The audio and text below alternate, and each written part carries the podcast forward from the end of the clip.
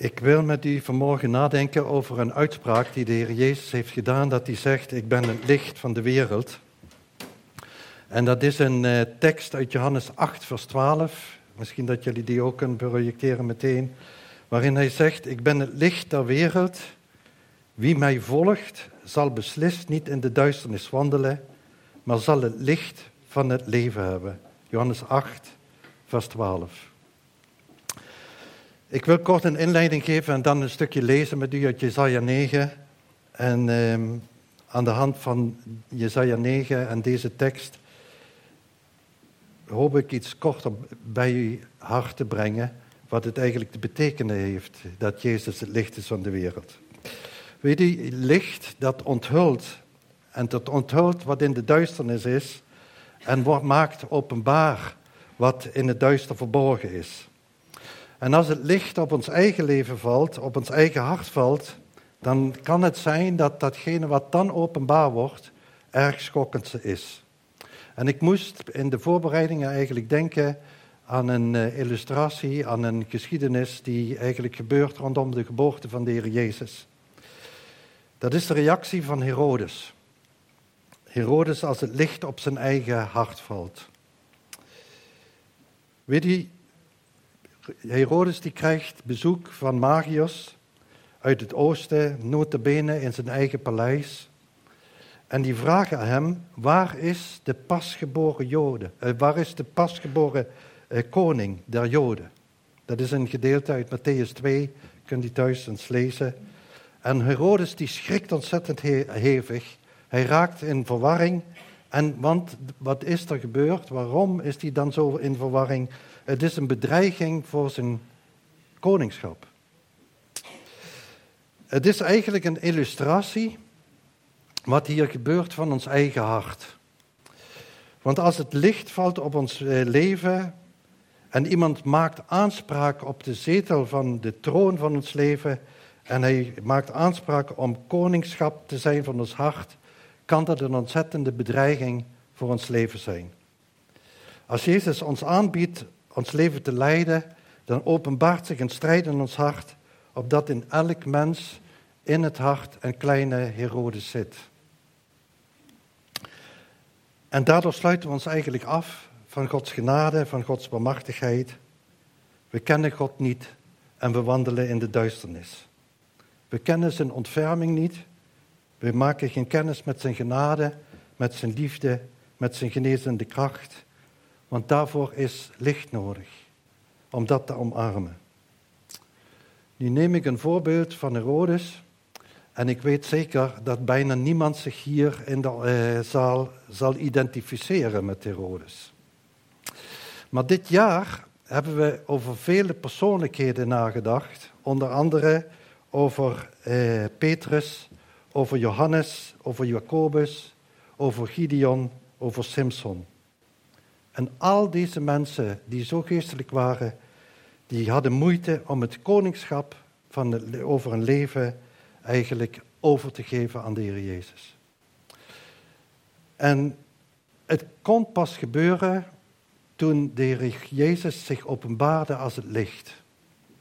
Toen kwam er iets in hun leven waarin ze zich konden overgeven. En konden eigenlijk uh, ja, toen konden ze zich overgeven en uh, zoals het er staat, konden ze, uh, wandelden ze beslist niet meer in de duisternis en hadden ze het licht van het leven gevonden. En de gedachte die ik heb bij deze preek is dat ehm, bij de voorbereidingen die ik heb gehad, is dat het licht schijnt in uw hart. En dat je heft nog meer uit handen durft te geven om Hem te volgen. Met die grote belofte om niet meer in de duisternis te wandelen. Dat is echt hetgene waar ik hiermee naartoe gekomen ben. Om dat eh, te proberen in woorden te, uh, aan uw hart te brengen. En ik besef, en ik besef zo diep steeds, als ik uh, hiervoor sta, dat ik dat niet kan. Dat zal de Heer God zelf in uw hart moeten bewerken. Want wie kan eigenlijk openbaren met woorden dat Jezus het licht is van deze wereld. Wie kan openbaren dat het echt waar, eh, zo waardevol is en het leven is om Hem te volgen. Wie kan openbaren dat we van nature in duisternis wandelen en dat de Heere God ons in het licht wil ontmoeten? Dat is Jezus alleen zelf. Want hij zegt, ik ben het licht ter wereld. En zo wil ik graag met u lezen een gedeelte uit Jesaja en dan wil ik je graag bidden. In Jesaja 9 vers 1 en Jesaja 4 tot en met 6a staat het volgende. Het volk dat in duisternis wandelt, zal een groot licht zien. Zij die wonen in het land van de schaduw van de dood, over hen zal een licht schijnen. En dan staat er in vers 4, ja, elke laar stampend met gedreun, iedere soldatenmantel, gewenteld in bloed, zal verbrand worden. Voedsel voor het vuur. Want een kind is ons geboren, een zoon is ons gegeven. En de heerschappij rust op zijn schouder. En men noemt zijn naam wonderlijk, raadsman, sterke God, eeuwige Vader, vredevorst. Aan de uitbreiding van deze heerschappij en aan de vrede zal geen einde komen op de troon van David en over zijn koninkrijk om het te grondvesten en het te ondersteunen door recht en gerechtigheid. Van nu aan tot in eeuwigheid. De naijver van de Heere God, van de Heere der legermachten, zal dit doen. Vader, we willen u zo ontzettend bidden dat we, als we zo nadenken, een kort moment over dat u, Heer Jezus, zegt dat u het licht der wereld bent, dan willen we u zo bidden dat u zichzelf openbaart. Iedere prediker weet, als hij zo voor een groep staat, dat hij dat zelf niet kan. Ik wil u zo bidden dat we mogen ervaren dat u zo in ons midden bent. En dat u aan onze harten dat openbaart, dat u ons roept uit die duisternis in het wonderbaarlijke licht om die intense, diepe gemeenschap met u te hebben. Maar u wil ook waarheid in het verborgene. En ik bid zo dat we ons daarvan niet afsluiten. Dat we ons niet schamen. Dat we u echt ja, willen omarmen als onze Heer en Redder. Als Jezus, de Zoon van God. Amen. Het eerste wat we echt met kerst moeten begrijpen, anders begrijpen we niets van het hele evangelie, dat is dat de wereld een duistere plaats is. Zoals Jesaja dat zegt. Als Matthäus het evangelie begint te verkondigen en hij, gaat terug naar die geboorte van Jezus, dan zegt hij het volk dat in duisternis leeft, zag een schitterend licht. En we zullen de, de weg in de wereld niet vinden als er geen licht is. Je kunt, als je een donkere kamer binnengaat, eh, kun je daar niks in ontwaren totdat er licht is. Zo ook in deze wereld. En in welke opzicht is de wereld dan duister? Als je daarover nadenkt. Als er staat dat de, duister, dat de wereld in duisternis is gehaald. Dat woord dat, eh, verwijst eigenlijk dat, dat, eh, naar het kwaad. Naar het lijden. Naar de onwetendheid. De wereld is vol van kwaad en lijden. En dat zal ook niet aan christenen voorbij gaan. En in die tijd van Jezus' geboorte was er geweld. Kinderen onder de twee jaar werden vermoord, omdat Herodes bang was dat er die nieuwe koning zou komen. Er was machtsmisbruik, dakloosheid, vluchtelingen, gezinnen die uit elkaar gerukt werden, een pijloos verdriet, vreemde overheersing en corruptie. En toen ik dat allemaal zo opgeschreven had, toen dacht ik, het lijkt wel de dag van vandaag. Er is eigenlijk niks veranderd. Maar duisternis heeft ook te maken met radeloosheid. We vinden als mensen geen oplossing voor deze grote nood. Er zijn wel vergaderingen, als je de politiek een beetje volgt, komen grote vergaderingen voor van de Verenigde Naties, de Europese Unie, de machtigste economieën, die komen bij elkaar, zogenaamde G7, en ze proberen een oplossing te vinden voor deze duisternis. En wat doen mensen? Als ze niet weten hoe het op te lossen. Iemand vroeg me voor de dienst. We schrijven voor de gasten in ons midden eh, steeds een brief om de mensen eigenlijk te vertellen waar we die zondag over nadenken. En ik had uh, hun gevraagd om Jezaja 8 en Jezaja 9 te lezen. En Jezaja 9 voor de dienst kwam iemand naar me toe. Zei ik begrijp dat ik Jezaja 9 moest lezen, want daar gaat het echt over kerst. Waarom eh, vroeg je ons Jesaja 8 te lezen? En een reden geef ik u nu op. Want als mensen in de duisternis eigenlijk eh, wandelen en ze weten niet op te lossen, dan zie je eigenlijk in Jesaja 8 wat er dan gebeurt. En dat is zo ontzettend treffend, ook in deze tijd. In Jesaja 8 proberen ze het op te lossen door uh, Jesaja 8 vers 19 laat het zien. Er staat dan raadplegen ze de geesten van doden, waarzeggers, met een gelispel en geprevel. Zeg dan, moet een volk zijn God niet raadplegen. Je ziet dat als er duisternis is en als mens we dat zelf willen oplossen, wordt het nog duisterder in het leven. Dan zie je dat ook in deze tijd mensen naar waarzeggers gaan, naar astrologieën, eigenlijk uit naar waarzeggers, naar mensen die vanuit de duisternis eigenlijk eh, proberen te vertellen wat er aan de hand is. En je ziet dan, ook in Jesaja 8, dat vers 22, ze staren naar de aarde, maar overal heerst verstikkende duisternis. Donker en somber is het, nacht overal. Dat staren naar de aarde, daar kun je eigenlijk zien dat eh, we zoeken naar menselijke middelen om deze wereld te herstellen. Het staren naar de aarde is zich wenden naar deskundigen, geleerden. We kijken naar overheden, naar economieën, naar nieuwe technologieën.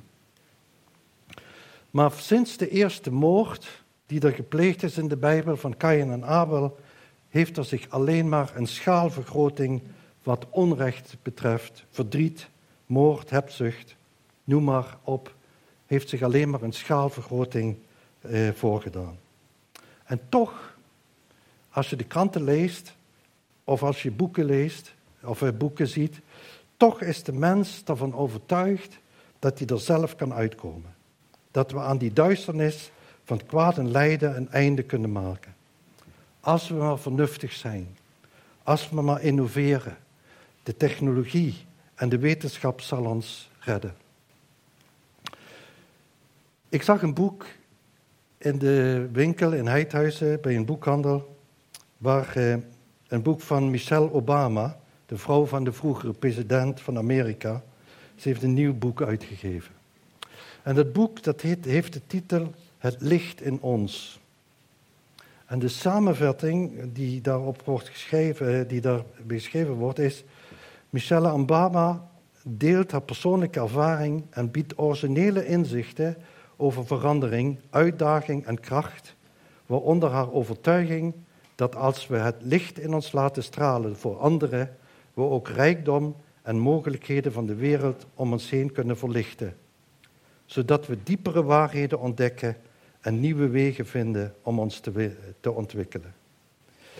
En mevrouw Obama hoopt en schrijft, ze zegt in het boek op de, achter, op de achtercover, we kunnen de duisternis in ons en om ons heen uitbannen als we maar samenwerken en een wereld van vrede en eenheid creëren. Dan kunnen we afrekenen met armoede, onrecht, geweld en kwaad. En dat is een hoop die daar wordt uitgesproken. Maar eh, wat, ze eigenlijk, eh, wat je zo ziet eh, in, deze, ja, in deze samenvatting achter op het boek, we zijn zelf het licht. En we kunnen het zelf oplossen. En dat is eigenlijk iets wat de mens al vanaf het moment dat de schepping in de zondeval is gekomen, probeert de mens dat. Te verbeteren, de honger en de nood en het onrecht, de moorden, de oorlogen, de epidemieën, de nood en de radeloosheid van de mens is sinds die val alleen maar groter geworden. Want hij wandelt in de duisternis.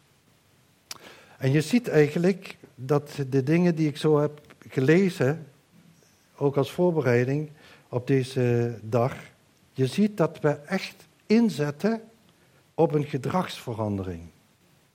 We proberen, ook de regering in ons, eh, in ons land probeert het gedrag van mensen te veranderen. We zagen dat in de corona, we zagen dat in de energiecrisis, we zien dat bij milieuvraagstukken, maar je redt het er niet mee. Want je verandert een mens dan niet mee. Het gaat om een hartsverandering. In plaats van een gedragsverandering moet er een hartsverandering komen. En Vanuit het hart komt namelijk goedheid en vanuit het hart komt het kwaad. Het hart in de Bijbel is de zetel van ons verstand. Daar vallen besluiten voor of tegen God. En de mens moet een nieuw hart krijgen, een nieuwe gezindheid. En die kan die zelf niet creëren. Daar is een schepper voor nodig. En Jezaja, die schrijft dan dat in deze duisternis, waar de mens zichzelf wil redden, waar de mens zichzelf eigenlijk wil helpen, waar de mens echt ziet dat hij in duisternis wandelt, dat de nood steeds groter wordt, dan zegt Jesaja, er is een, uh, hij, uh, hij schrijft dat die degenen die in de duisternis wonen, die hebben, worden door een helder licht beschenen. Het komt niet van binnenuit. Het komt van buitenaf. Het moet van buitenaf naar ons toe komen en het is van buitenaf naar ons toe gekomen. Jezus is gekomen.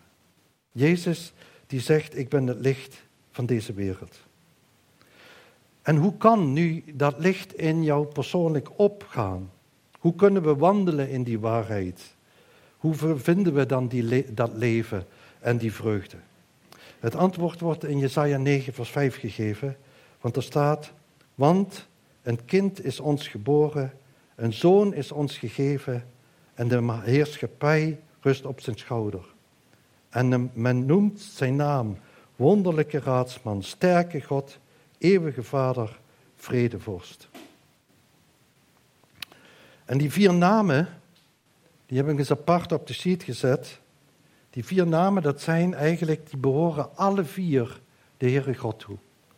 De eerste is wonderlijke raadsman. Dat wijst op een bijzonder vermogen wijze raad te geven en stijgt boven de menselijke wijsheid uit. De tweede naam die daar wordt geschreven is sterke God. En dat is zo uitzonderlijk, omdat een mens nooit in het Oude Testament vergoddelijkt wordt.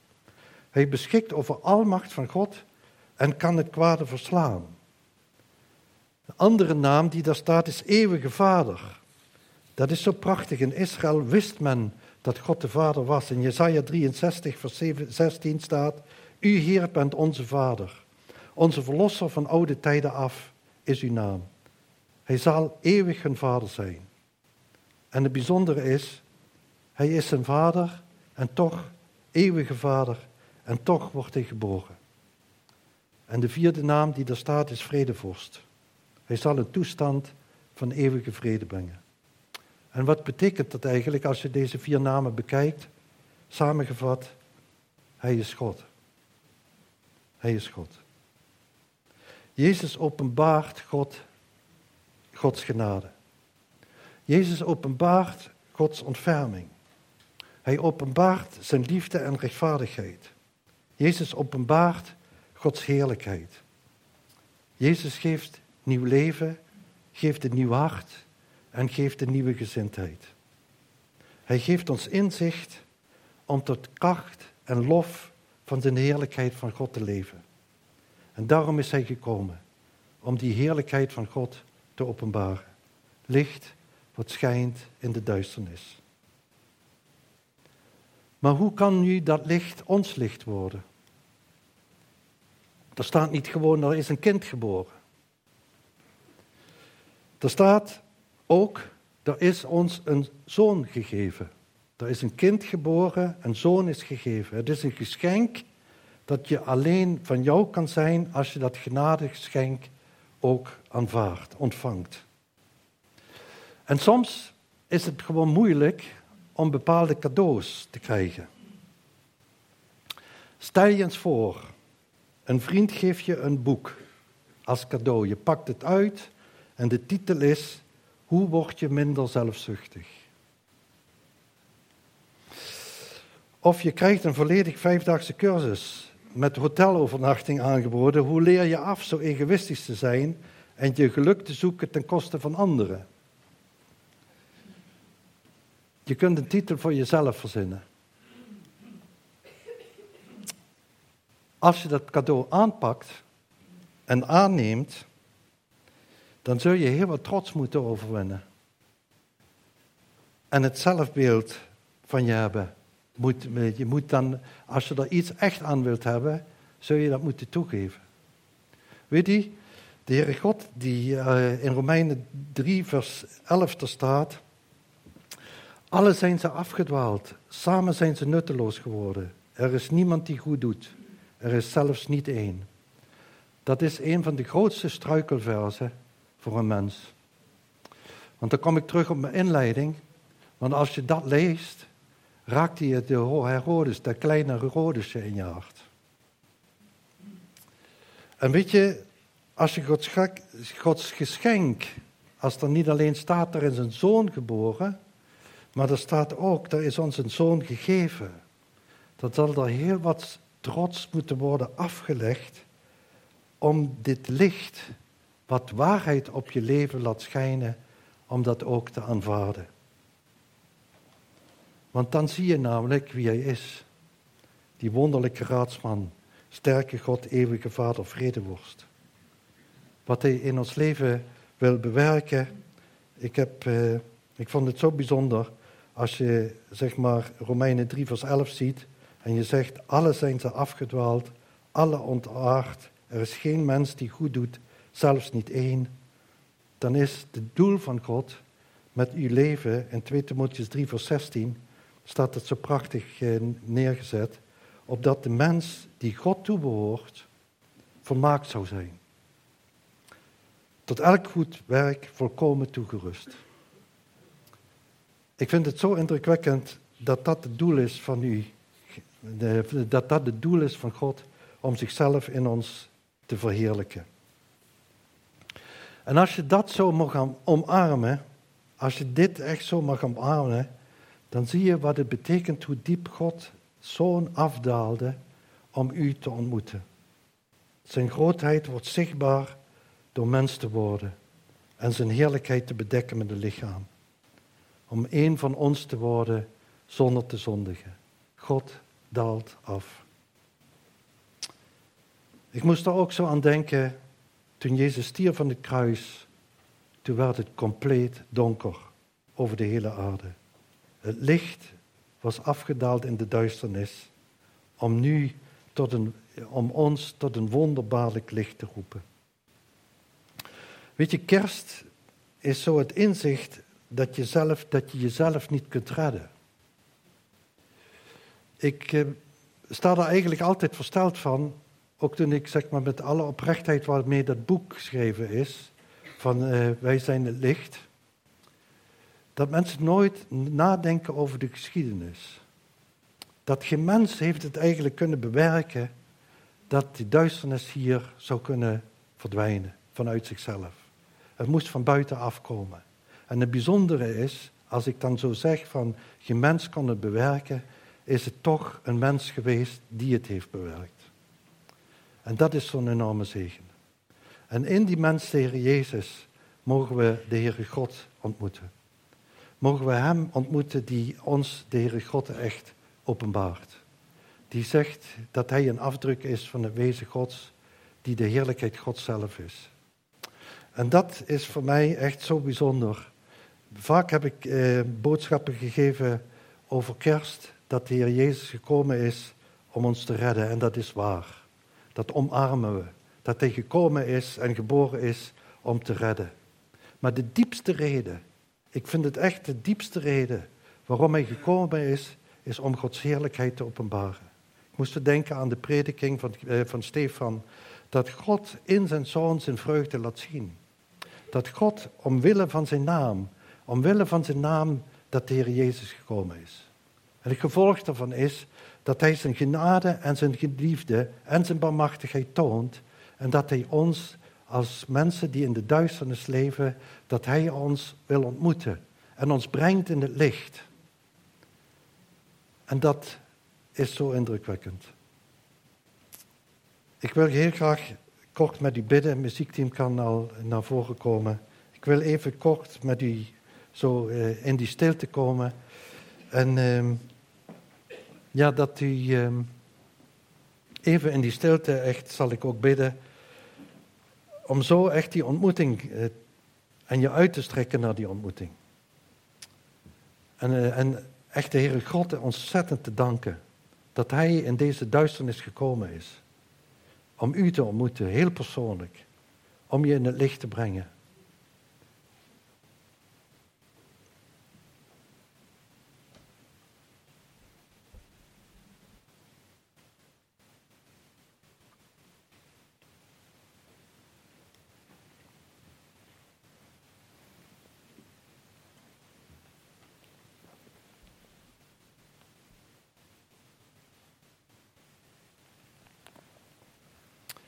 Vader, we willen ons echt verontmoedigen voor u als we zien uh, op Jezus.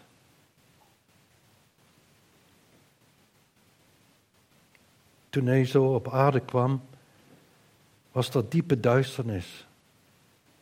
En er werd meteen werd er een aanslag op zijn leven gepleegd.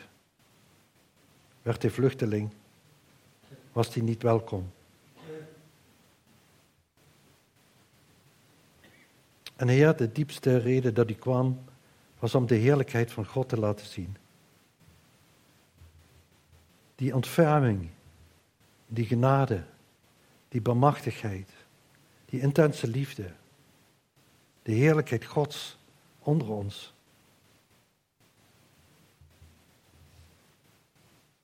En ik wil zo bidden voor ieder die hier zo is, dat we meer en meer van die heerlijkheid van U mogen ontwaren in ons leven. Dat we meer en meer u vertrouwen om u te volgen, ook als het moeilijk is. Ik wil u zo bidden, Heer, dat we mogen zien dat wat we nodig hebben is Jezus. En dat is ook alles wat we nodig zullen hebben. Zo dragen we deze dag aan die diepe genade op en bedanken u dat we zo mochten stilstaan vandaag en mogen stilstaan vandaag. Dat God mens is geworden. Hij met het licht in deze duisternis is gekomen.